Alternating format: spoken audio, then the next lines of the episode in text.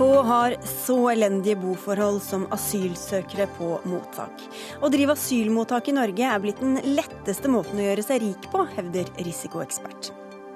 Norge dømt for elendig luftkvalitet. Regjeringa gjør ikke nok, konkluderer Venstre, som krever handling. Og Henning Mankel er død, et forbilde på flere vis, sier krimforfatter Jørn Lier Horst.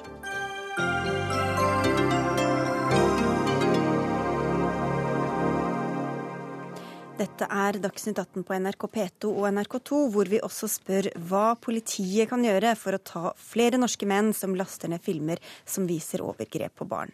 Jeg heter Sigrid Solund. Fukt, slitasje, trekk, lav bostandard og få enerom. Forholdene på norske asylmottak er så dårlige at de kan gi fysiske og psykiske helseskader, heter det i en ny rapport. Hovedtrekkene i den ble gjengitt i Dagsavisen i dag. Eli Støa, du er professor i boligprosjektering ved Arkitekturfakultetet ved NTNU, og dere har laget rapporten Bokvalitet på norske asylmottak sammen med Sintef og Byggforsk. Dere har studert forholdene ved sju mottak og foretatt en spørreundersøkelse i 83. Hva er hovedfunnene deres? Ja, Vi fant et stort spenn i kvalitet på mottakene. Men de dårligste mottakene er virkelig dårlige. Der er det stor slitasje, ødelagte overflater og møbler, fukt, trekk fra dører og vinduer, dårlig tilgjengelighet for funksjonshemmede osv. Eh, og som du nevnte, er trangboddhet et stort problem. Det er veldig få mottak som tilbyr enerom til enslige, selv ikke de lengeboende enslige.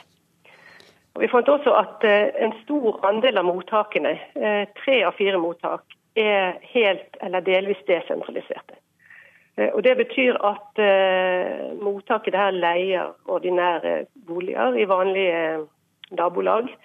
Eh, og Ifølge de ansatte på mottakene så er, er denne typen desentraliserte boliger så, så, virker det positivt for integreringsprosessen. Eh, det bidrar til selvstendighet og deltakelse. Hva sier de som Ja, kom igjen. Ja, Det er også sånn at eh, det er ofte de dårligste og rimeligste boligene som tilbys. Eh, det er de som skiller seg negativt ut i nabolaget, på en måte. Som igjen virker stigmatiserende. Vi har sett f.eks. tilfeller av bruk av rivingsobjekter til asylsøkere. Og eh, eksempler på eneboliger som i utgangspunktet er planlagt for en normal familie, er fylt opp av så mange som 19 enslige asylsøkere. Og Hva blir oppgitt som eh, årsakene til den lave standarden der, der det er dårlig? Nei, Det er særlig to forhold. Eh, det første det er jo eh, kortsiktigheten. Har, driftsoperatørene har veldig kortsiktige driftsavtaler med UDI. og Det gjør det vanskelig å investere i oppussing og vedlikehold. Systemet fører til at noen operatører velger å heller pusse opp bygningene etter at asylmottaket er avviklet, enn før asylsøkerne flytter inn. Eh, og Det andre er jo begrensede økonomiske ressurser. Så innenfor de ekstremt trange rammene de har, så er det de leieobjektene med lavest kvalitet de har råd til, og de opplever at de må prioritere andre ting enn bygningsmessig standard.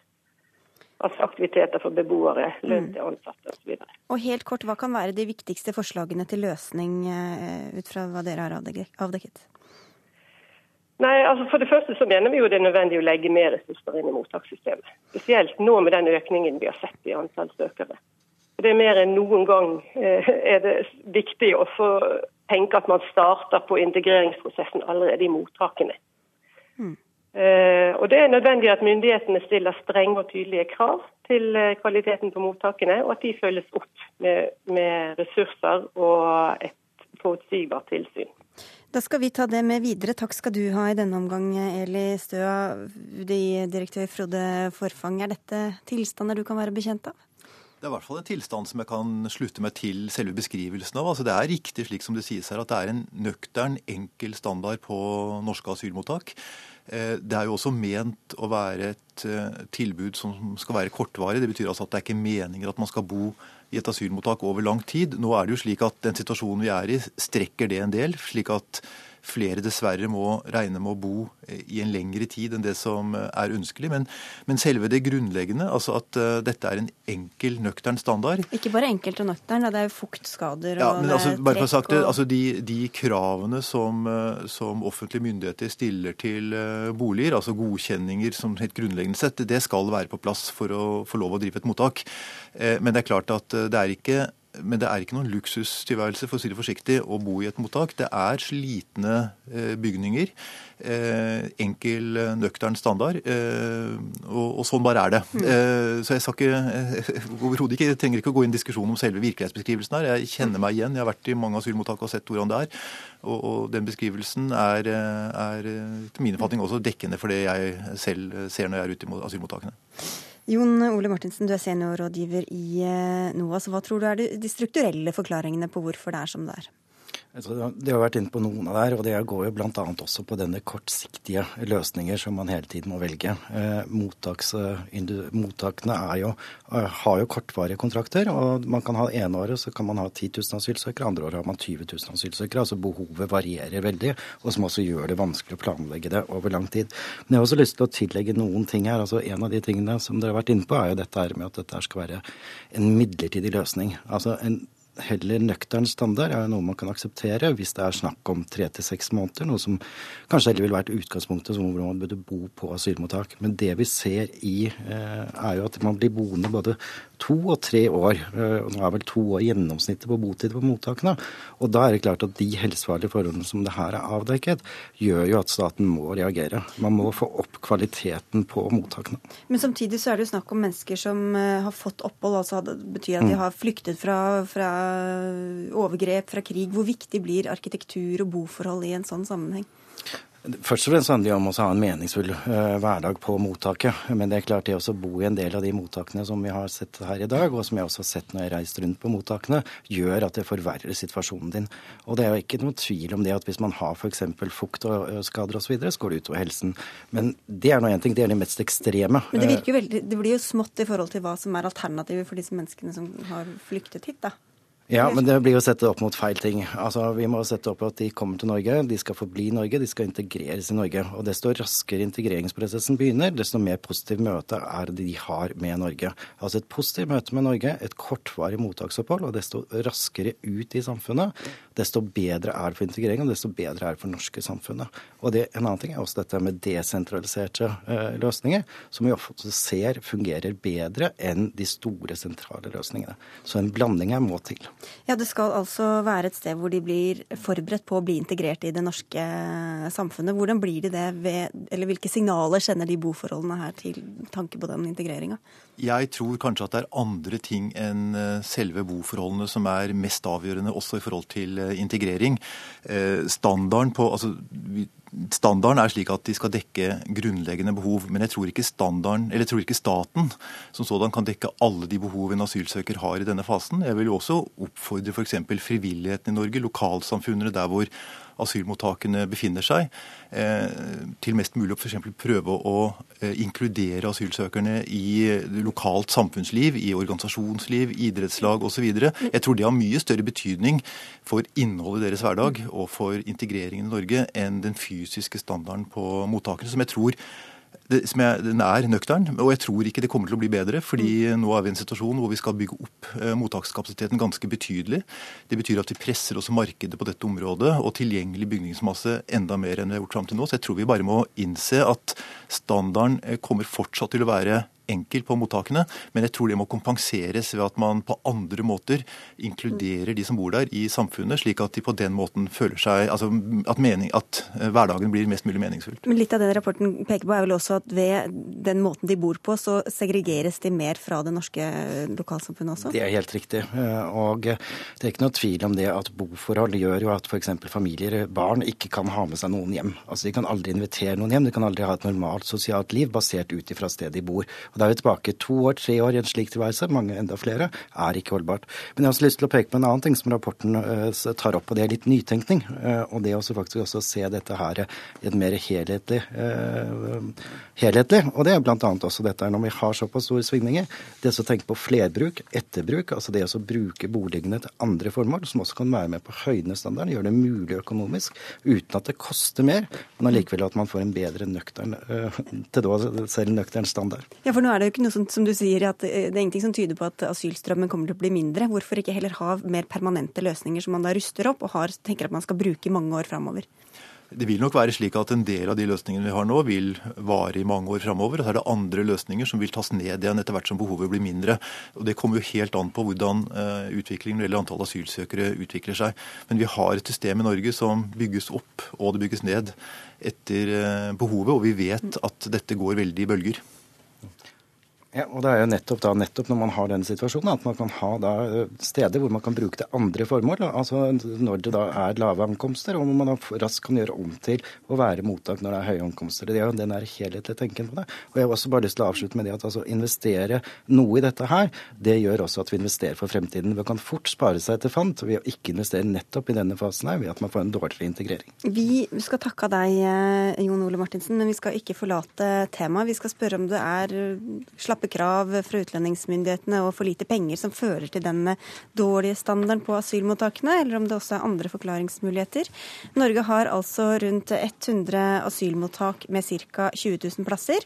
Bak enkelte av de, norske, av de største kjedene står noen av Norges rikeste investorer.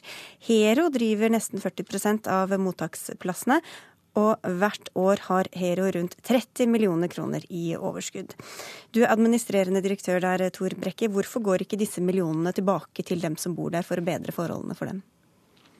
Nei, Det er jo et, eh, et, overskudd i vår virksomhet som følge av at vi er en stor leverandør, som gjør at det også blir store tall i overskudd. Men, eh, men utgangspunktet vårt er at eh, de pengene i veldig stor grad blir igjen i virksomheten og bidrar til å utvikle mottakssystemet og, og vår bedrift videre. Men det er altså, hvis vi tenker prinsipielt på det, dere får statlige tilskudd som dere lever på. Dere har en omsetning som du sier på en halv milliard kroner, et overskudd på nesten 30 millioner. For barnehagene f.eks., der gjelder det at alle pengene skal gå tilbake til barna. Hvorfor gjelder ikke det samme på dette feltet? Vi må gjenta at vi har et meget nøkternt overskudd til å være en privat bedrift. Vi har et ansvar i et aksjeselskap å sikre en, et solid økonomisk fundament. Og, og, det overskuddet som er de siste to år, har Hero ikke tatt noe utbytte til eierne. Det gjelder i 2014 og det gjelder i 2013, og bidratt til at virksomheten er utvikla videre, og at mottakssystemet i Norge også er utvikla videre. Kjell Ola Kleiven, du er administrerende direktør i Risk Information Group, og du skriver en blogg på Nettavisen. Et beskjedent og nok nøkternt overskudd hører vi her. Er du enig i det?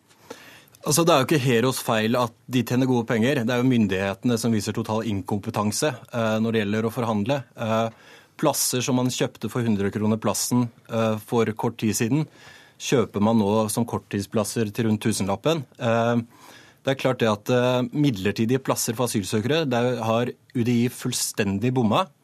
Det eneste som er dyrere enn kompetanse, er inkompetanse, og det viser de på alle måter. Hero tjener penger og er en kommersiell virksomhet, og det forstår jeg godt. Ja, det var ja. bra, bra, det ble sittende, ja, altså, Frode Forfang. Jeg, jeg vet ikke helt hvor man vil her. fordi hvis alternativet til det vi gjør altså Jeg kan være helt enig i at kort, eh, kortsiktige plasser koster mye mer enn langsiktige plasser. Men hvis alternativet hadde vært at vi hadde hatt en kapasitet i utgangspunktet over tid som skulle imøtekomme det behovet vi nå ser, så kan jeg bare love at det ville vært veldig veldig mye dyrere eh, over tid enn det å bygge opp kapasitet kortsiktig. Altså det å ha masse plasser stående ja, altså det, kost, det koster jo enormt mye penger å ha eh, mottak stående tomme over lang tid. Vi skal huske på at vi i perioden fra 2010 og fram til, fram til i sommer hadde ganske stabile ankomster av asylsøkere. Det lå på mellom 9000 og 12 000 i året hvert år. Så skjedde det et ganske brått skifte nå i sommer, eller spesielt fra august, og enda mer i september. Og Hvis vi skulle ha hatt en mottakskapasitet eh, gjennom de siste fire årene som tok høyde for at på et eller annet tidspunkt så skulle dette skje, og det er ingen som forutså at dette skulle skje på den måten som det gjør nå, så ville det i hvert fall vært eh, ekstremt dyrt. fordi da ville vi på årlig basis hatt eh, kostnader som eh, Og vi snakker jo om, da om 100 millioner, milliard altså Det er store beløp vi snakker om her. Hvis man skulle hatt en kapasitet som kunne imøtekomme det behovet vi nå ser. da. Men nesten 1000 kroner døgnet per person, det er et I, tall på, som er ja, altså På kort sikt så er det ingen tvil om at eh, når vi må raskt opp med ny mottakskapasitet, eh, og vi får så brå svingninger som det vi får nå vi egentlig tatt inn på hotell for alle sammen, det.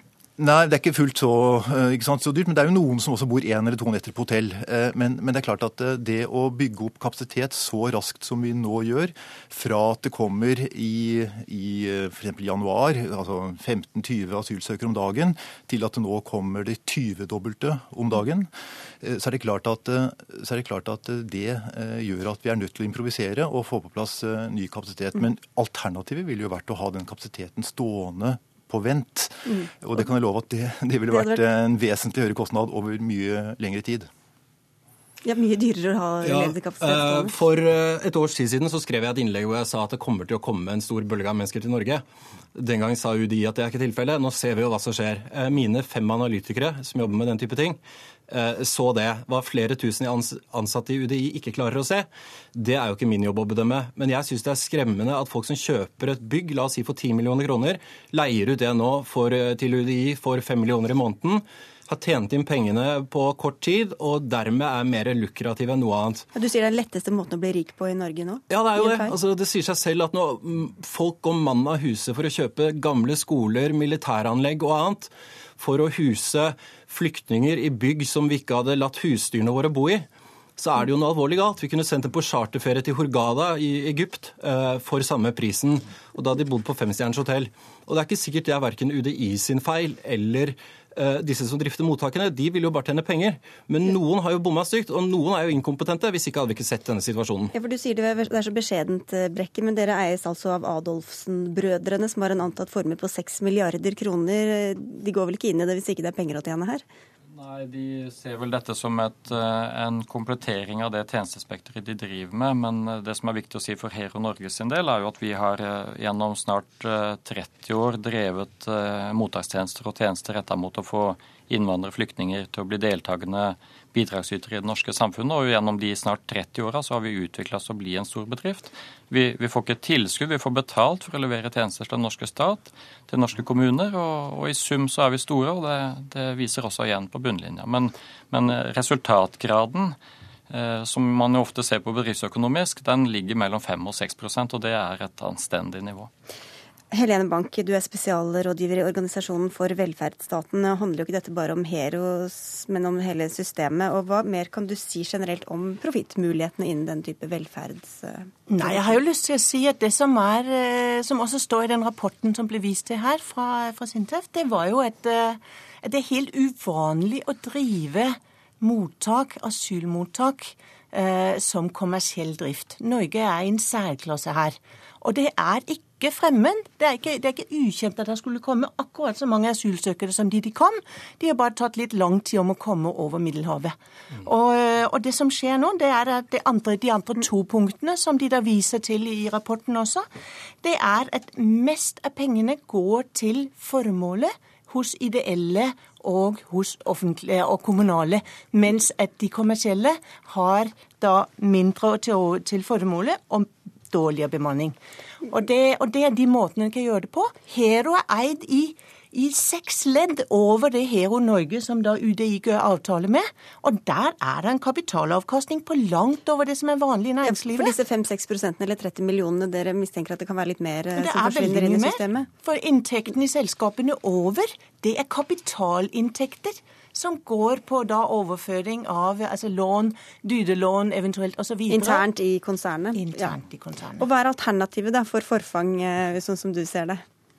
Nei, det er jo å drive statlige mottak og kommunale mottak i offentlig regi, og ikke, og ikke la de kommersielle inne her. Altså det som har vært den store fordelen med å, ha det systemet vi har i Norge, det er at det er veldig fleksibelt. Det gjør at det går an å bygge raskt opp kapasitet når det er behov for det. Og det går an også å bygge ned kapasiteten eh, i takt med behovet når det, når det, er eh, et lavere behov. Det har vært den store fordelen med det norske systemet. Vi har jo ganske mange års erfaring med, med, den, type, med den, type, ordning. Og så er det jo slik at eh, Riktignok, altså for at vi skal få private til å drive, så må de gå med et overskudd. De må tjene penger på det, ellers så får vi ikke private til å drive. Eh, og Samtidig så er det en stor risiko her ved at det er tre måneders oppsigelsestid. Altså de, tar, de som tar på seg å drive mottak, de tar på seg en stor økonomisk risiko. Eh, fordi de kan altså få oppsigelse på tre måneders varsel. Og det, det er jo en av grunnene til at, eh, at det er en visse marginer i dette. Men det er jo ikke, det er ikke kjempemarginer. Altså det er jo slik at Nå skal vi etablere nye asylmottak. og Det er ikke slik at driftsoperatørene står i kø for å for å tilby sine tjenester til oss. Men noen blir veldig rike på dette, virker det som? da? Ja, men jeg tror det er en forutsetning for at vi skal få det systemet vi har i dag til å fungere. Jeg tror at hvis det skulle vært slik at det var kun staten gjennom statlige ansatte og kommunale ansatte som skulle drive, dette, så ville vi i hvert fall fått en kjempeutfordring i den situasjonen vi er i nå, hvor vi altså oppretter ett nytt asylmottak i snitt hver eneste dag. Eh, og må altså bygge opp en voldsom eh, økt kapasitet. Eh, det systemet vi har i dag, er i hvert fall i større grad i stand til å kunne håndtere den type ganske brå svingninger. Og, det er dette systemet og, hele dette som gjelder altså, ankomster og mottak av asylsøkere, det er noe som vi vet svinger over tid. Det skjer ikke bare i Norge, det skjer også i andre land. Hva mener du er alternativet, Kleiv? Jeg syns dette er så fascinerende, for man snakker om økt fleksibilitet og muligheten til å snu seg fort. I eh, mai så hadde man en opsjon til å ta 1500 plasser til vanlige betingelser. Eh, den opsjonen tok man ikke. Da kunne man kjøpt det til 100 kroner plassen. eller noe sånt. I dag så kjøper man de samme til rødt under tusenlappen. Det er ikke mange måneder siden mai Eh, hvor ble det av fleksibiliteten? Hvor ble det av evnen til å tenke kjapt og være smart? Altså, det som er Problemet her er at man har norske myndigheter som forvalter penger slik de aldri ville forvaltet dem, for, for, forvaltet dem om det var deres egne. Man forvalter de norske skattebetalernes penger som om man var lottomillionærer som spiller rulett. Og det er klart at Da går det ikke bra. Jeg skjønner godt at Hero tjener gode penger, men vi kan ikke ha det sånn i, en, i, en, i, et ryddig land som Norge. Ja, for Det virker som du sier at UDI nærmest kaster penger etter, etter asylmottakene, eller at de er desperate i, i villig pengebruken. Hvis men... du selger plasser i dag til 700 000-900 000 kroner plassen, så kaster du penger etter aktører. Men, men, du skal få svare, for vi bare høre fra her om det er sånn dere opplever det også? Nei, men uh, Man må jo respektere at folk har forskjellig ideologisk utgangspunkt. Men, uh, men, det som er jo veldig spesielt, er jo når man bedømmer den situasjonen som, som skjer akkurat nå og har skjedd de siste ukene, hvor vi har månedstall, uh, vi har ukestall på ankomster som er omtrent på tidligere tiders månedsrekorder. Mm. I fjor var det en nedbygging i mottakssystemet. Da var det fornyelse av en del kontrakter til lavere priser enn det man hadde tidligere. Dette som skjer nå, er helt spesielt og, og en helt un unormal situasjon i mm. mottaksfeltet. Og ikke noe man kan bare bygge opp og ha stående bank. Nei, men vi visste, vi visste at det kom. Hadde vi spurt hjelpeorganisasjonene, hadde vi spurt folk som da også jobber på kommersiell basis og sier sånn kommer det til å bli, så hadde man ikke bygd ned alt det som var. Hvorfor bygget dere ned da? For, nå, nå jo, altså bare for å si det, for det er, Vi var jo ikke alene om å ikke se det som kom. Det er jo ingen som så dette verken i Norge eller resten av Europa, som så det brå skiftet vi så her i september, eller august-september. Og så vil jeg jo si til deg at Hvis du i fjor sommer hadde bygget opp en kapasitet, slik som du sier, for du så jo dette allerede i fjor sommer, bygget opp en kapasitet som skulle være i stand til å møte den det, de, det ankomstnivået det behovet vi har i dag, så ville det fra i fjor sommer og fram til nå ha kostet ca. 1 milliard kroner, eller overkant av 1 milliard kroner jeg tror ikke jeg hadde blitt sett på som så veldig smart hvis jeg hadde gjort det eh, på det tidspunktet i fjor. Eh, riktignok koster det mer akkurat nå, på kort sikt, å etablere eh, akuttplasser. Men de plassene skal jo etter hvert erstattes med mer ordinære plasser. Og det gjør vi jo gradvis hele tiden. Og over tid er jeg ganske overbevist om at det at vi har hatt en kapasitet som var tilpasset det faktiske ankomstnivået i de siste fire-fem årene, det har vært bra for staten rent økonomisk, selv om det akkurat nå koster mer. fordi akuttplasser koster mer, det er jeg helt enig i. Vi nærmer oss slutten. Ja, bare et lite regnestykke. 200 plasser som kostet rundt 300 000. Eh, for litt tid siden koster i dag 1,6 millioner. Men en milliard hadde din løsning kostet? Behøver ikke... Nei, men Da må man gå tilbake og lære seg matematikk. Og det er jo en forutsetning for å sitte her, vil jeg tro. For det er, ikke sånn, det er ikke sånn det fungerer. Eh, det å ha kapasitet er noe annet enn å, enn å betale for full kapasitet. Det handler jo om at man har bygget ned noe som var fungerende, og det er det som er skremmende. De norske, norske skattebetaleres vilje til å støtte opp om asylsystemet nå, det som vi ser nå, den er innmari viktig å opprettholde. Og da betyr milliardformue til eierne av asylmottak forferdelig mye. Men akkurat det systemet er vel ikke dine hender nødvendigvis? Eh, ikke selve systemet, men, men, men, i forhold til å drive økonomisk fornuftig, så tror jeg ikke det systemet vi har er det dårligste. Jeg kjenner til mange systemer rundt i Europa som uh, sliter med veldig mye større problemer enn det vi sliter med i Norge. For å si det sånn, Så jeg tror eh, økonomisk sett, og på mange andre måter, og fleksibilitet, så tror jeg vi har funnet et system i Norge som ikke er så faktisk ikke så helt dumt. Kunne vært verre, altså. Takk skal dere ha i hvert fall, alle fire. Frode Forfang fra UDI, Kjell Olav Kleiven og Helene Bank fra For velferdsstaten og Tor Brekke fra Hero. Takk skal dere ha. Dagsnytt 18 alle hverdager klokka 18.00 på NRK P2 og NRK2. Da skal vi til Jerusalem, der situasjonen er mer spent enn på lenge. En rekke voldsepisoder og sammenstøt mellom demonstranter og israelske styrker de siste dagene skaper bekymring. For første gang har israelerne stengt adgangen for mange palestinere til gamlebyen i Jerusalem. Og hvorfor gjør de det, Midtøsten-korrespondent Sigurd Falkenberg Mikkelsen? Det kommer på bakgrunn av at eh, to israelere ble knivstukket i da den muslimske muslimske delen av gamlebyen. Alt dette er jo områder som Israel eh, okkuperer siden 1967.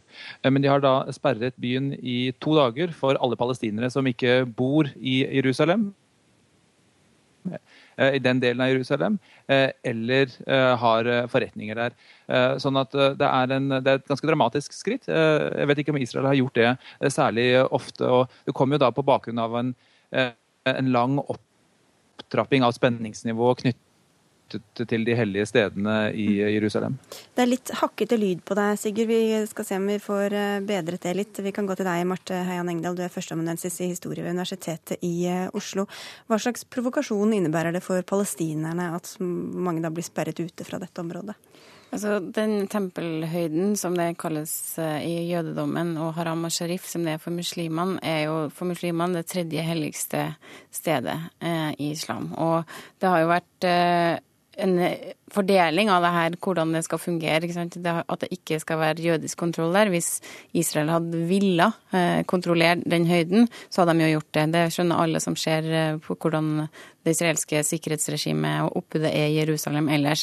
Når det ikke er det, så er det fordi at eh, sikkerhetsetablissementet i Israel er klar over at hvis man muslimene oppfatter at det er en eh, kamp om, å, om suvereniteten over høyden, så er det en krig som er religiøs, og det er en krig som vil bre om seg i store deler av verden, og i hvert fall i hele regionen. Hvordan påvirker alt dette forholdene i Jerusalem nå da, Sigurd Falkenberg Mikkelsen?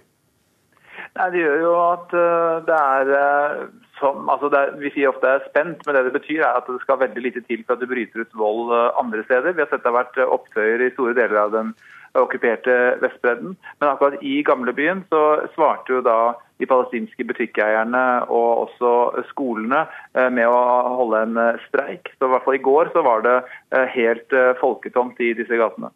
Dette er jo et sted, den tempelhøyden som du snakker om, Marte Heian Engdahl, som er hellig for både kristne, jøder og muslimer. Hvorfor klarer de ikke å be side om side, rett og slett? Ja, nei, det er jo det som altså, Det her er jo kjernen i kjernen. Jerusalem er et av de store eh, hindringene, for, hindringene for fred. Og akkurat delinga av det her helligste stedene er eh, det, kjernen i det problemet igjen. Og da, hvis man er der, så blir man tror jeg, slått av hvor lite det er, og at det, det området som det er så skarp kniving om. Og i en fredsavtale så vil man må kunne finne en måte å gjøre det på, sånn at alle kan at det er, eh, man har frihet til å be uansett uansett hvilken religion man kommer fra. Men for det israelske overrabbinatet, så, altså de som eh, har tilsyn over det religiøse i Israel, der er det jo, hvis man går på klagemuren som ligger nedenfor høyden, da, så står det et skilt der, man, der, det står helt klart at ifølge overrabbinatet til Israel så er det forbudt for jøder å gå opp der.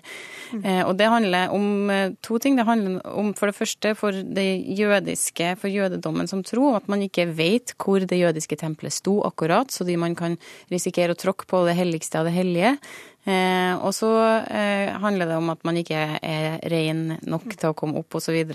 Men det er et annet type argument enn det sikkerhetsargumentet som også er viktig, da, som står sterkt. Og det er derfor Israel det er også fare på ferde for israelske myndigheter når folk begynner å ta seg til rette opp der. For Nå har det jo også vært både knivstikkinger og drap, som vi hørte, og Hamas uh, hyller det.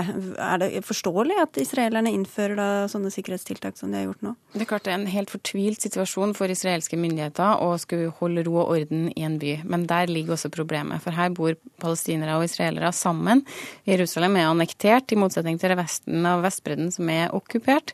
Og da er det, andre, da er det israelsk lov og rett som gjelder der. Så da, uh, for at israelerne skal føle seg trygge, så må de ta, gå til en del eh, steg som ikke klinger så godt i, et, eh, i demokratiets navn. Da. Og på tampen her, Sigurd, det er noen som snakker om en uh, mulig ny intifada. Kan det være snakk om det, tror du?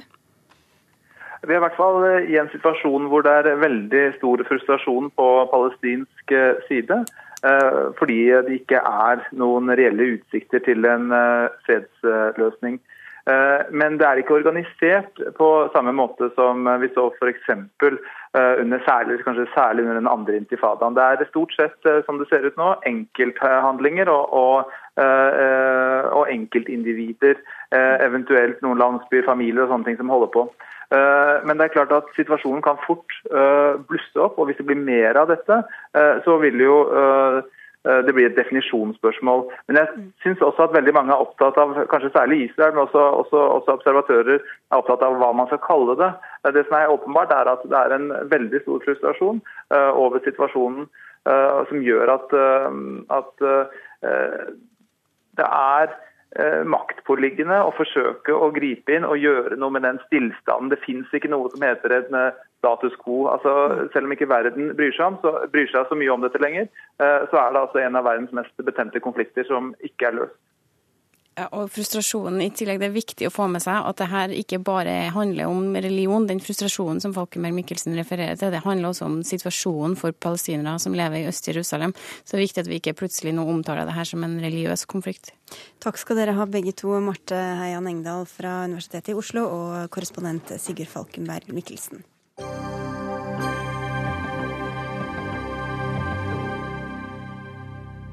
VGs avsløring av nordmenn som laster ned overgrepsbilder av barn, har rystet mange lesere. Totalt 78 menn er identifisert. Ti av dem er konfrontert av avisa. Sju av dem igjen tilstår at de har lastet ned bilder og filmer som viser seksuelle overgrep. Bjørn Erik Ludvigsen, du er politioverbetjent i Kripos og har mange års erfaring med å avsløre brukere av sånt materiale. Hvor viktig er de avsløringene VG har kommet med nå?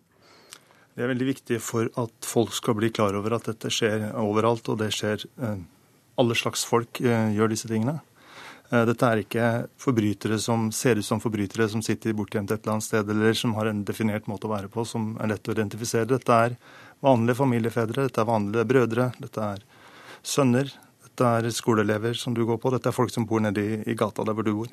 Men tror du da at de som gjør dette, skjønner at de er med eh, og, betaler for dette materialet og laster det ned, at de da eh, gjør at, også, at, at barn blir voldtatt eh, enten i Norge eller andre steder i verden? Hvorvidt barn blir voldtatt eller ikke pga. at eh, folk etterspør overgrepsmateriale, skal være usagt. Eh, de fleste overgrep blir jo ikke dokumentert. Sånn at de begås jo bare for overgrepets skyld. Men ved å etterspørre overgrepsmateriale, så skaper man jo et, et marked hvor overgrepene blir dokumentert. Men tror, du, de, tror blir... de tenker over det, de som sitter og laster det ned nødvendigvis? Jeg tror nok ikke de tenker så langt. De tenker nok mer på seg sjøl. Hva de ønsker, og hva de vil se på. Dette er jo VG som har kartlagt eh, da, som jeg sa, 78 mennesker. Hvor god oversikt har dere over hvem det er? Disse 78 vet vi ikke hvem er. Eh, men den informasjonen som VG har, kunne også vi ha funnet. Altså Vårt problem er ikke mangel på bevis. Vårt Problemet er ikke mangel på skurker å ta. Vårt problem er at vi har ikke kapasitet, som, altså politiet som sådan har ikke kapasitet til å etterforske alle disse sakene på en skikkelig måte. Hvorfor ikke det, da? For de er ekstremt krevende. Det er vanskelige avhør, det er vanskelige beslag. Store beslag. Titusenvis, hundretusenvis, millioner av bilder noen ganger. Som skal undersøkes på en polisiær forsvarlig måte, og det tar ekstremt lang tid. Og den kapasiteten har ikke politidistriktene i Norge. Men det, Betyr det at ikke det er prioritert, eller hva er det det står på egentlig? Det er jo en, en dette med overgrepsmateriale alene, altså hvis man ikke snakker om overgrep eh, begått av noen som man vet hvem er, men bare besittelse, har jo lav strafferamme og konkurrerer da med de andre mer alvorlige forbrytelsene i forhold til straff, i hvert fall. Mm. Men uh, er det sånn at nordmenn da først og fremst er de som laster ned og betaler for dette, eller skjer også de filmede overgrepene her til lands? Nordmenn begår helt sikkert overgrep i samme grad som alle andre gjør. Uh, og dokumenterer dem også helt sikkert i samme grad som alle andre. Dette er ikke noe som skjer i, i Russland eller Thailand eller USA. Dette skjer altså i norske bygder og byer og i de tusen hjem. Hva, kan, hva, hva, er det dere ønsker dere da, for å kunne ta flere av dem eh, det gjelder? Jeg pleier å si Det er bare tre ting som politiet ikke har nok av. Det er tid, penger og folk. Eh, så alt som kan hjelpe på det, er jo bra for oss. Når det gjelder dette problemet, så er jo det så stort at selv om vi hadde doblet antallet som er hos oss, så vil vi fortsatt ha for mye å gjøre. Men til mer saker vi lager, til mer jobb blir det for politidistriktene ute. Sånn at eh, man trenger jo en styrkning kanskje over hele linja eh, i forhold til et forskning av sånne saker. For det er liten risiko for dem som gjør det reelt sett, å sitte og holde på å laste ned sånne filmer og bilder? Risikoen er nok reell, men fordi de er så mange, så er det fort gjort, eller det er vanskelig å oppleve at det er en reell risiko for å bli tatt. Fordi at eh, når man har et stort antall som holder på, så er det selvfølgelig få som blir tatt av dem. Og da opplever man at det er nærmest ufarlig. Tusen takk skal du ha, Bjørn Erik Ludvigsen fra Kripos, for at du kom. Vi skal få inn også noen politikere her, eh, blant andre deg, Vidar Brenn Karlsen, statssekretær i Justisdepartementet. Hvorfor er det da VG og ikke Kripos som finner disse mennene nå? Eh, som vi hørte her, så finner Kripos de også, og det er jeg glad for. Eh, Kripos, eh, det som, det som kan se litt rart ut her, det er at det kan se ut som at det er VG som, som får frem alle det her. Men Kripos gjør det i veldig stor grad, også. Men ikke alle. Vi har en veldig lang, veldig lang, vei å gå her fortsatt. Men det, det, vi også må få frem, at Norge ligger langt fremme i å, å, faktisk finne ut av hvem de her er. Når vi ser internasjonale samarbeid som, som Norge er med i, så er vi et foregangsland. Det, vi melder inn mange av både overgripere og ofre til internasjonale databaser for å være med, samme, være med uh, i det samarbeidet. Men, men uh, det her er vanskelig. Det, det, er eksplosiv utvikling i det, den teknologiske uh, Eh, hjelpemidler man bruker for å begå denne typen eh, kriminalitet. Og med en, en sånn type avskyelige holdninger som vi ser blant de her som VG nå har fått frem, mm. så, så, så, ser jeg at vi dessverre har en enda lengre vei å gå enn det jeg hadde trodd. Kaja Hegg, du er rådgiver i Redd Barna. Du har også jobbet med dette i mange år. Vi hørte Kripos selv si tid, folk og penger, det er det de trenger. Hvorfor tror du ikke dette er prioritert høyere fra politi og juridiske myndigheter? Det er jo som det ble påpekt her, prioritert vold og seksuelle overgrep. Men det er vanskelige temaer å jobbe med, og det blir ikke mindre vanskelig av at uh, man har tilgang til denne type teknologi. Um, det kan være flere grunner til det, uh, men penger og ressurser er noe som Redd Barna mener må til til uh, Kripos for å kunne få tak i flere av disse sakene her.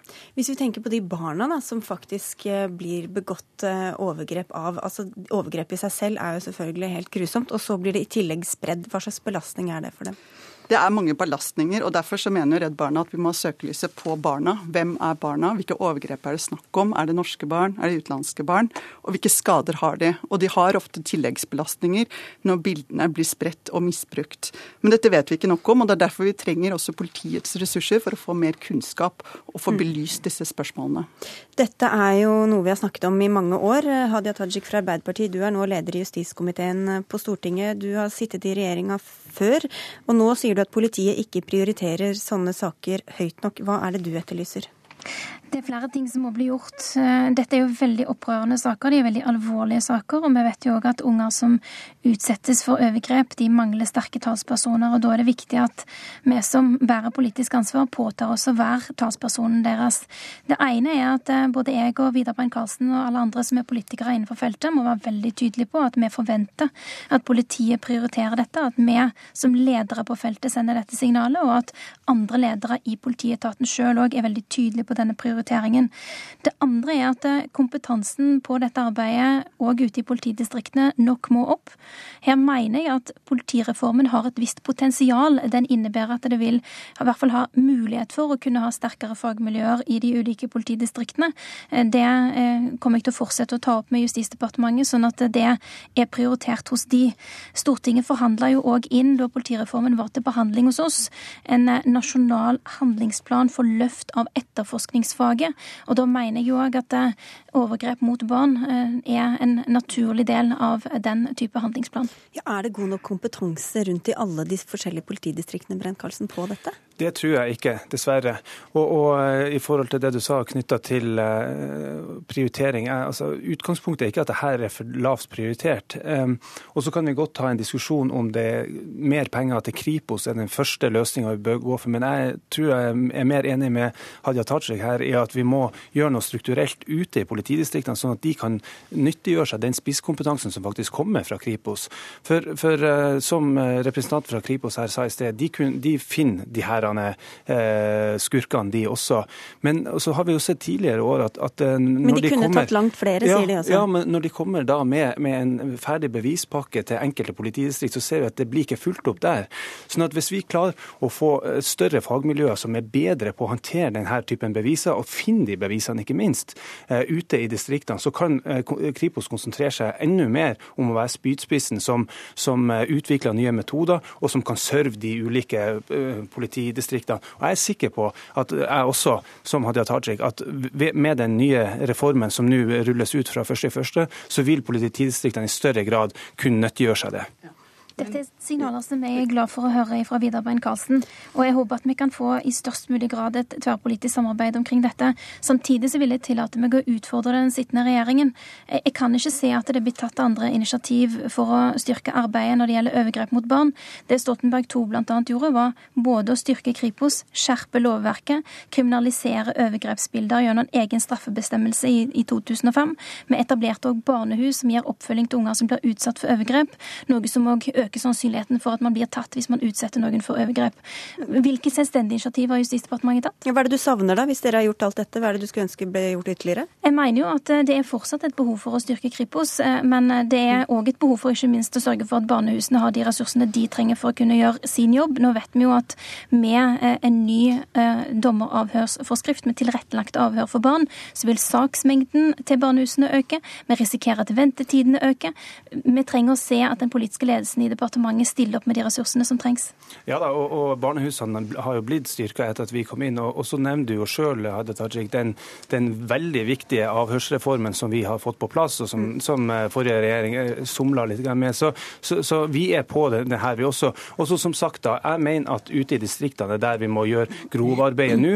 Og, og som, der er det kommet 1,5 milliard ekstra eh, etter at vi kom i regjering. Så vi, vi er på det her. Men, men som Røde Kors, unnskyld, Redd Barna er, er inne på, så er det her det er vanskelig.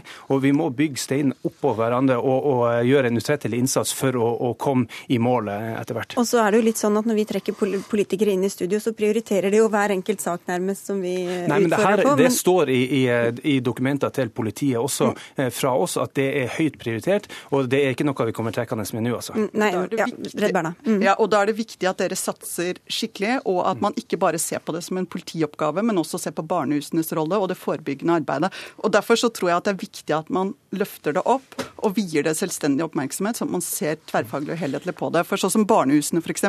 Mange av de de forholder seg ikke til denne tematikken. Det viste vi i en rapport som ble gitt ut nå i mars. Sånn at det er viktig å løfte det opp og så lage en plan som på en måte ivaretar både eh, den hjelpen barna skal ha, og det forebyggende arbeidet. Og så er det kanskje noen som tenker at dette viser jo bilder av ting som allerede har skjedd, selv om noe av det også foregår i, nåtid, som vi også har sett uh, saker på. Men, men, dere vet også litt om at noen av de som laster det ned, også, det er en viss korrelasjon mellom dem som gjør det, og de som også begår overgrep i ja. virkeligheten selv? Ja. Vi vet jo ikke nok om hvem alle barna er. Men eh, det er jo ofte sånn at man må levere bilder av barn for å få tilgang til barn. Og pluss at det å se på bilder normaliserer jo overgrep mot barn. Sånn at dette må vi også ta veldig på alvor. Og så en annen ting er jo også dette her med at mange ønsker hjelp. Og da kommer de til sider hvor de kommer i kontakt med folk som normaliserer overgrep. Så der vil jeg også utfordre dere på å jobbe mye mer systematisk med å gi et hjelpetilbud. Fordi at Redd Barna er opptatt av å beskytte barna, og ikke nødvendigvis at man skal straffe, men hjelpe og få slutt på overgrep. Kan du få svare på det avslutningsvis? Ja, jeg, jeg skulle bare si knytta til hvem det, de her ofrene er. Altså, jeg opplever at Kripos er utrolig opptatt av, når de først får inn denne typen bilder, at de går etter og prøver så langt det er mulig å, å identifisere ofrene. Det gjelder uansett om de finner ut om de er i Norge eller andre plasser. Og det har vi en del vellykka eksempler på, at, at man faktisk finner uh, ofre som er i andre land, og at de overgriperne der blir pågrepet. Men det som også kan være poenget med å gå sterkere etter disse menneskene, er jo at de da potensielt kan avsløre overgrep skjedd i virkeligheten også hos, hos dem selv. Ja, ja det, er også helt sant. Og, det, det, finner vi i hvert fall ut hvis man klarer å i større grad etterforske de eh, sakene som man finner her i Norge. Vi får eh, la det være siste ord i denne runden. Takk skal dere ha, Vidar Brein Karlsen fra Justisdepartementet, Kaja Hegg fra Redd Barna og Hadia Tajik fra Arbeiderpartiet.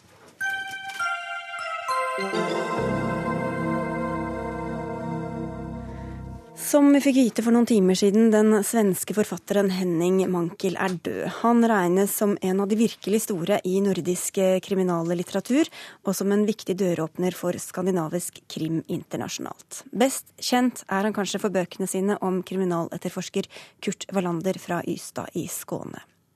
Mankel døde av kreft og ble 67 år gammel. Jørn Lierhorst, du er krimforfatter og du er tidligere politietterforsker. Hva har Mankel betydd for deg i ditt forfatterskap? Ja, Han har jo, vært en, eh, en, inspirasjon og en, en døråpner. Uh, døråpner utover i og utafor både Norden og Europas grenser. Det å gjøre nordisk litteratur synlig i, i utlandet. Du kaller han Nordens største kriminalforfatter? Ja, og det henger sammen med denne effekten som døråpner. Altså, jeg tenker at det er tre store. Når jeg er ute, så snakker man fremdeles om Sjøvall og Hvale fra 60-tallet. Så snakker man Henning Mankel og så snakker man om Stig Larsson. Mm. Og så snakker man også i dag om, om Jon Nesbø. da. Men eh, jeg tenker at eh, Henning Mankel var den største. Eh, han som har hatt størst betydning på å bringe nordisk eh, litteratur ut i verden. Hva var det ved forfatterskapet hans som gjorde ham så stor? da? Du, det, dette er jo ikke bare altså, Det er jo først og fremst eh, disse bøkene om Kurt Wallander som er kjent utover i verden. da, eh, og Det er en del av fattigskapet jeg kjenner. Eh, og det er jo ikke bare, det er jo ikke tradisjonelle politiromaner. altså, Det er jo, det er jo noe mer enn en, en, krimbok. Det er bøker som er skrevet med en, en politisk indignasjon fra, et, fra ytterste venstre side. Han har en agenda da, som han, som han si, lar ligge som en undertone i det som er både spennende og og godt fortalte krimhistorier. Apropos eh, ytterste venstre, Pål Steigan. Du er eh, skribent og du er kjent for mange som tidligere formann i AKP. Og du var venn med Mankel i mange år. Hvordan vil du beskrive ham som menneske? Ja, Jørn har jo rett i det han sier, men når du sier som menneske Han var ekstremt empatisk. Eh, den beste lytter jeg har vært borti. Det er ganske fantastisk at du gjør en så stor suksess og fortsetter å være en, en lytter. Han hadde et enormt engasjement for Afrika. Han eh, hadde jo støtta et teater i Maputo i Mosambik i over 30 år. Og han var alltid veldig til stede. Jeg husker jeg var nede hos ham utafor Göteborg for en del år siden. Og vi snakka om, om, det forferdelige som skjedde i Gaza. Og så sa han til meg du Pål, jeg bare må dra nedover. Altså. Jeg, jeg bare, simpelthen må, jeg må dra ned på den båten. Og han ble jo med. Og han var jo i livsfare. og han, han, var, ja, han, var, engasjert til stede. Mm. Og jeg møtte ham også nå for tolv ja, dager siden. Jeg var invitert uh, av ham til Gøteborg, og vi hadde to og en halv times uh, sammen. Han var dødssyk. Han var til stede, han var levende, han stilte veldig spennende spørsmål. Så et stort menneske, en god venn. Mm. Mm. Eh, Jørn Lier Horst, du sa selv at dette også ble gjenspeilt i bøkene hans. Og du har fortalt at du leste bøkene om Wallander da du gikk på Politihøgskolen. Hvordan påvirket det ja. synet på din politietterforsker? Jo da, jeg leste jo den første boka mi uh, om Kurt Wallander da jeg begynte Politihøgskolen på slutten av begynnelsen av 90-tallet. Og tenkte jo at en sånn politimann uh, som Kurt Wallander, det er det jeg vil med utdannelsen min. Det er en sånn politimann jeg vil bli. Ikke, ikke en sånn som vi kjenner fra bøker og film, altså en sånn uh, halvfeit kranglevoren gammel gubbe, men eh, en, uh, en, etterforsker som hadde det synet på menneskene rundt seg da, som hadde det menneskeverdet. Uh, og som hadde de på mange måter grunnleggende verdiene som samfunnet vårt hviler på. altså Det ser du i bøkene hans. Det handler jo om rettferdighet og respekt og nestekjærlighet og omsorg. og medansvar og, og, og tilgivelse og, og, frihet og likhet for alle, og, solidaritet med, med, svake og, sårbare. Det skinner gjennom eh, i bøkene hans. Du nevnte noen av sakene han var engasjert i, Steigan, og at du besøkte ham i eh, Mosambik, der hvor han jobbet som teaterregissør og dramaturg. Hvordan var den Henning Mankel du traff der? Eh, at det var, det var, kanskje enda mer sånn enn det vi har snakka om nå. Fordi eh, du vet at som hvit i Afrika så bærer du på mange måter kolonitida med deg. Og du bærer den der klasseforskjellen med deg. Men når jeg så han i virksomhet sammen med afrikanerne, enten det var sjåføren eller folk som jobba på gulvet på Teatro Avenida, som er eh, hans sted da, i Maputo, eller det var folk, eh, kunstnere og andre folk, så var han var sammen med dem, og de, de diskuterte dette prosjektet. Jeg så han sette opp en sporvogn til Begjær, Med, og det var fantastisk, for det er jo egentlig et sørstatsstykke. ikke sant? Når du ser det med svarte skuespillere, så får du en egen dimensjon i det som han hadde klart å utnytte veldig, veldig fint å se.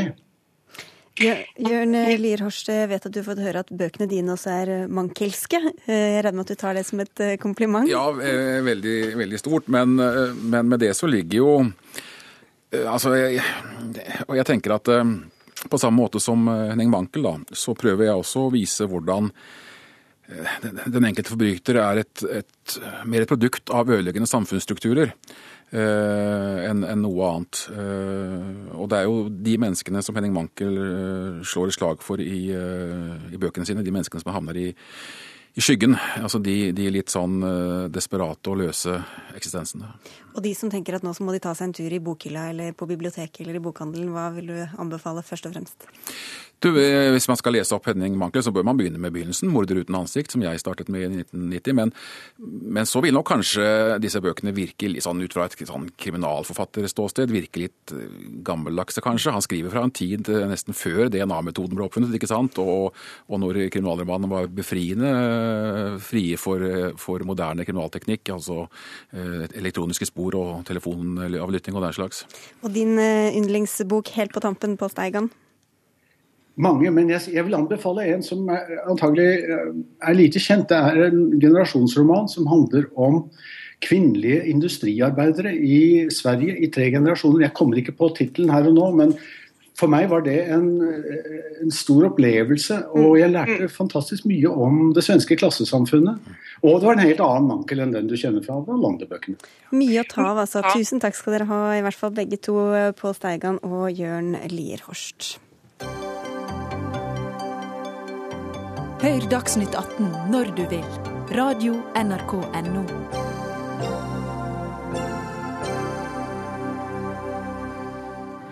Det er dårlig luft i mange norske byer. Så dårlig faktisk at Norge for et par dager siden ble dømt i EFTA-domstolen for å ha hatt et helsefarlig høyt forurensningsnivå i Oslo, Bergen, Stavanger, Trondheim og Drammen. Norge får refs for ikke å ha gjort nok, og myndighetene får beskjed om å rydde opp, men det kan ta tid. Ifølge undersøkelser er nivået neppe akseptabelt før i 2025, skriver EFTA. Ola Elvestuen, du er eh, nestleder i Venstre, tidligere byråd for samferdsel og miljø i eh, Oslo. Ikke typisk norsk å være god i denne sammenheng, altså. Eh, hvor alvorlig er denne dommen for Norge? Nei, Dette er jo veldig alvorlig. Den er også helt betimelig, for det er jo ikke noe tvil om at Norge har ikke gjort nok nok. Eh, det er tiltak i eh, byene, men det er de, de, virkemidlene som byene har, de er ikke i nærheten av nok til å ta tak i det som er den akutte forurensningen. Og du har jo hatt en situasjon hvor den lokale forurensningen jo til og med har blitt verre de siste årene. Dette henger jo sammen med den avgiftsomleggingen som vi fikk tilbake i 2008, hvor det jo ble mer gunstig å kjøpe dieselbiler. Og det er først og fremst diesel som er problemet, eh, og NOx-utslippene inn i de store byene. Og dette er jo helseskadelig. Dette, dette, er jo en økt dødelighet pga. denne forurensningen. Men hva er det du har savnet fra Samferdselsdepartementet da, for å få lov til å gjøre lokalt? Du, det er tre ting som virker. Det er diesel du må ta tak i. og Da må du gi byene mulighet til å forby dieselbiler på de mest forurensede dagene. Du må sørge for at det er omkjøringsmuligheter for uh, tungtransport, så den kan kjøre utenom uh, byene. Og så må vi ha på plass det som jo nå for så vidt er, er et arbeid i gang med, fordi det er vedtatt på Stortinget, er med, med lavutslippssoner eller da miljøsoner som byene kan ta i bruk. Og så Over tid er vi nødt til å se på Vi har en voldsom økning av dieselforbruket i Norge de siste årene. Vi er nødt til nå å snu den trenden, sånn at forbruket av diesel presses nedover i årene framover. Hvis vi begynner med det første, samferdselsminister Ketil Solvik-Olsen. Hvorfor har dere ikke latt eh, byene få lov til å gjøre alt de vil for å begrense dette? Byene har mange muligheter i dag allerede som de ikke bruker seg av. Og da syns vi det er litt rart at de alltid skal ha det som ligger litt fram i tid, istedenfor å benytte seg av de mulighetene som ligger.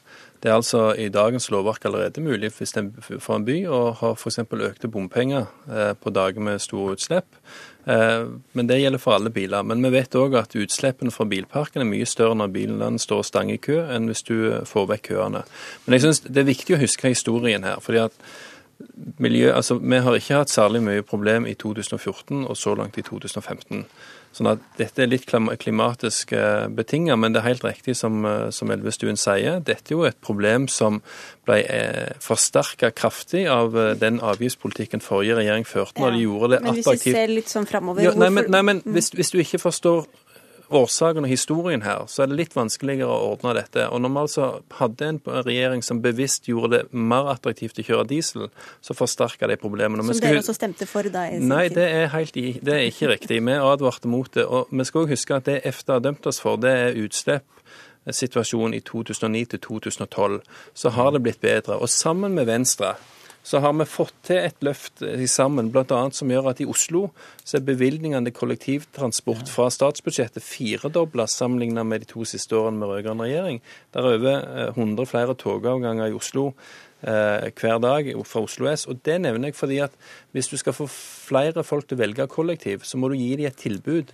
Da kan du få flere til å la parkere bilen og la den stå hjemme. Da får du bedre flyt for de som står igjen, og du får ned utslippene. Men, men, men høre, hvorfor har dere ikke utnyttet handlingsrommet fullt ut? Alt dette er vel og bra. Du må ha den langsiktige jobbingen for å få ned forurensningssituasjonen eh, generelt. Og dette driver Venstre på. Vi har et godt samarbeid med regjeringa på det. Men det det handler om, er nettopp fordi du har en værsituasjon vinterstid som gjør at du får en samling av forurensa luft. Eh, og det er på de dagene så må du ha et eh, akuttiltak. Men har dere gjort alt annet og, som, ikke, som, ligger innenfor lovverket ja, som det er i dag? Ja, men det som, det som går med forhøya med å øke bompengene på de, på de mest forurensede dagene, problemet med det er at det virker ikke. Eh, fordi det holder ikke. Du må altså ha færre biler inn, fordi du har en forurensningssituasjon som gjør at du må stoppe tilførselen av forurensning. Da er det forbud som er det eneste som hjelper. Datokjøring har ingen betydning. Økte priser har ingen betydning, fordi det er for seint i forhold til Det kan være gode tiltak i seg selv, men det hjelper ikke i forhold til det å unngå de mest forurensa dagene. Da må du ha et godt varslingssystem, og du må inn før det går over den nødvendige terskelen. Det er jo fristende å erte deg med at du vil ha høyere bompenger bompenger, eh, men eh, vi la, la det ligge. Nei, men jeg sier ikke jeg vil det. Jeg bare sier at det virkemidlet ligger der allerede. Men det er ikke de virkemidlene de ønsker. De ønsker jo, ting som ikke jo, Men de har jo ikke tatt i bruk ennå. Nei, nei, det går, det går, ikke an å si at et virkemiddel ikke bruker når du ikke har prøvd det. Dessuten er jo hele logikken for de som er for bompenger våre at hvis du har høyere pris, så får du færre som kjører bil i sentrum. Men det gjelder jo alle, det gjelder jo ikke bare da dieselbilene. Men, men, men, men problemet er jo at uansett bensin eller diesel, utslippene er mye høyere når du har kø. Og Hvis du her mener at det er viktig å få vekk bilene, istedenfor å forby eh, alle, så kan du sørge for at du får køene såpass mye ned ved å ha høye nok bompenger til at du får fortsatt en del som kan bruke det, for det er en del som er avhengig av bilen i hverdagen. Eh, og Så sørger du for at eh, du setter f.eks. gratis buss på de dagene der det er ekstra høye bompenger. og Da sørger du òg for at det er mer attraktivt for folk som ikke har et annet valg. Dette, dette har dere ikke tatt i bruk. og jeg synes det, det er rart jo, men det Jo, men det er rart Hvordan vet du at det ikke virker? Fordi dette er det gode utredninger på. Jeg har selv vært vært med å gjøre dette som byråd i Oslo. Og det er tre, det er tre forurensningskilder. Den ene er en tredjedel er private dieselbiler. Den andre tredjedelen er tungtransport. Den tredje er fra varetransport lokalt i byen. Virkemidlene for dette er å ha forbud mot dieselbiler på det med, ikke fordi man ønsker å ta det i bruk, men du er nødvendig å ha det virkemidlet inntil vi når fram med det mer langsiktige politikken som kan få ned forbruket. For, for det er det du snakker om også, Solvik-Olsen. Vi, vi går tom for tid her, skjønner du. Men, men, for noe, noe må gjøres, da, tydeligvis. Og det, og det, vil du se at Nå kommer Enova som et statlig organ med ekstra penger for å bygge landstrømanlegg i de store byene. Nettopp for å igjen få store skip, supplybåter som ligger til havn i Oslo, Bergen, Trondheim og Stavanger, til å slutte å ha dieselmotorer som, som sviver, og heller bruke strøm. Vi må gå etter de store utslippspunktene istedenfor å la de som trenger bilen i hverdagen for å få tidsklemme og ikke ramme dem. Vi må sørge for at vi tar de store utslippspunktene. Vi må sørge for at lastebiler blir bytta ut raskere, så du får vekk de punktutslipp. Vi må sørge for at skip som ligger til kai, ikke sviver dieselmotoren, istedenfor hele veien går på forbudslinja som rammer vanlige Alt dette skal man gjøre, og dette skal man forsterke innsats for å få nullutslippskjøretøy. Nå er det ute i forhold til taxier, alle disse områdene. Men det dette handler om, er jo at på de mest forurensa dagene så er det direkte helseskadelig i de store byene. Og det er uansvarlig. Og nå som vi fortetter inn i byene, vi sier at det skal være flere barnefamilier inn i sentrum av byene. Hvis du skal si det, og du skal ha det, så må vi gjøre noe med forurensningssituasjonen. Virkemidlene er der. Byene er villige til å gjøre det. I Oslo så ble dette vedtatt eh, tilbake i 2012. Og nå må Men det dere- er regjering og storting den- som hindrer at man gjennomfører. Den fortettingen du snakker Mm. om, den òg ligger langt fram i tid. Så her definerer du et problem langt fram i tid som vi vil ha løst før den tid. Og så får vi se hva dere kommer med om to dager i budsjettet. Takk skal dere ha, Ola Elvestuen og Ketil Solvik-Olsen. Vi må takke av for hele Dagsnytt 18 for i dag. Ansvarlig for sendinga var Dag Dørum, Hilde Tosterud og jeg, Sigrid Solund.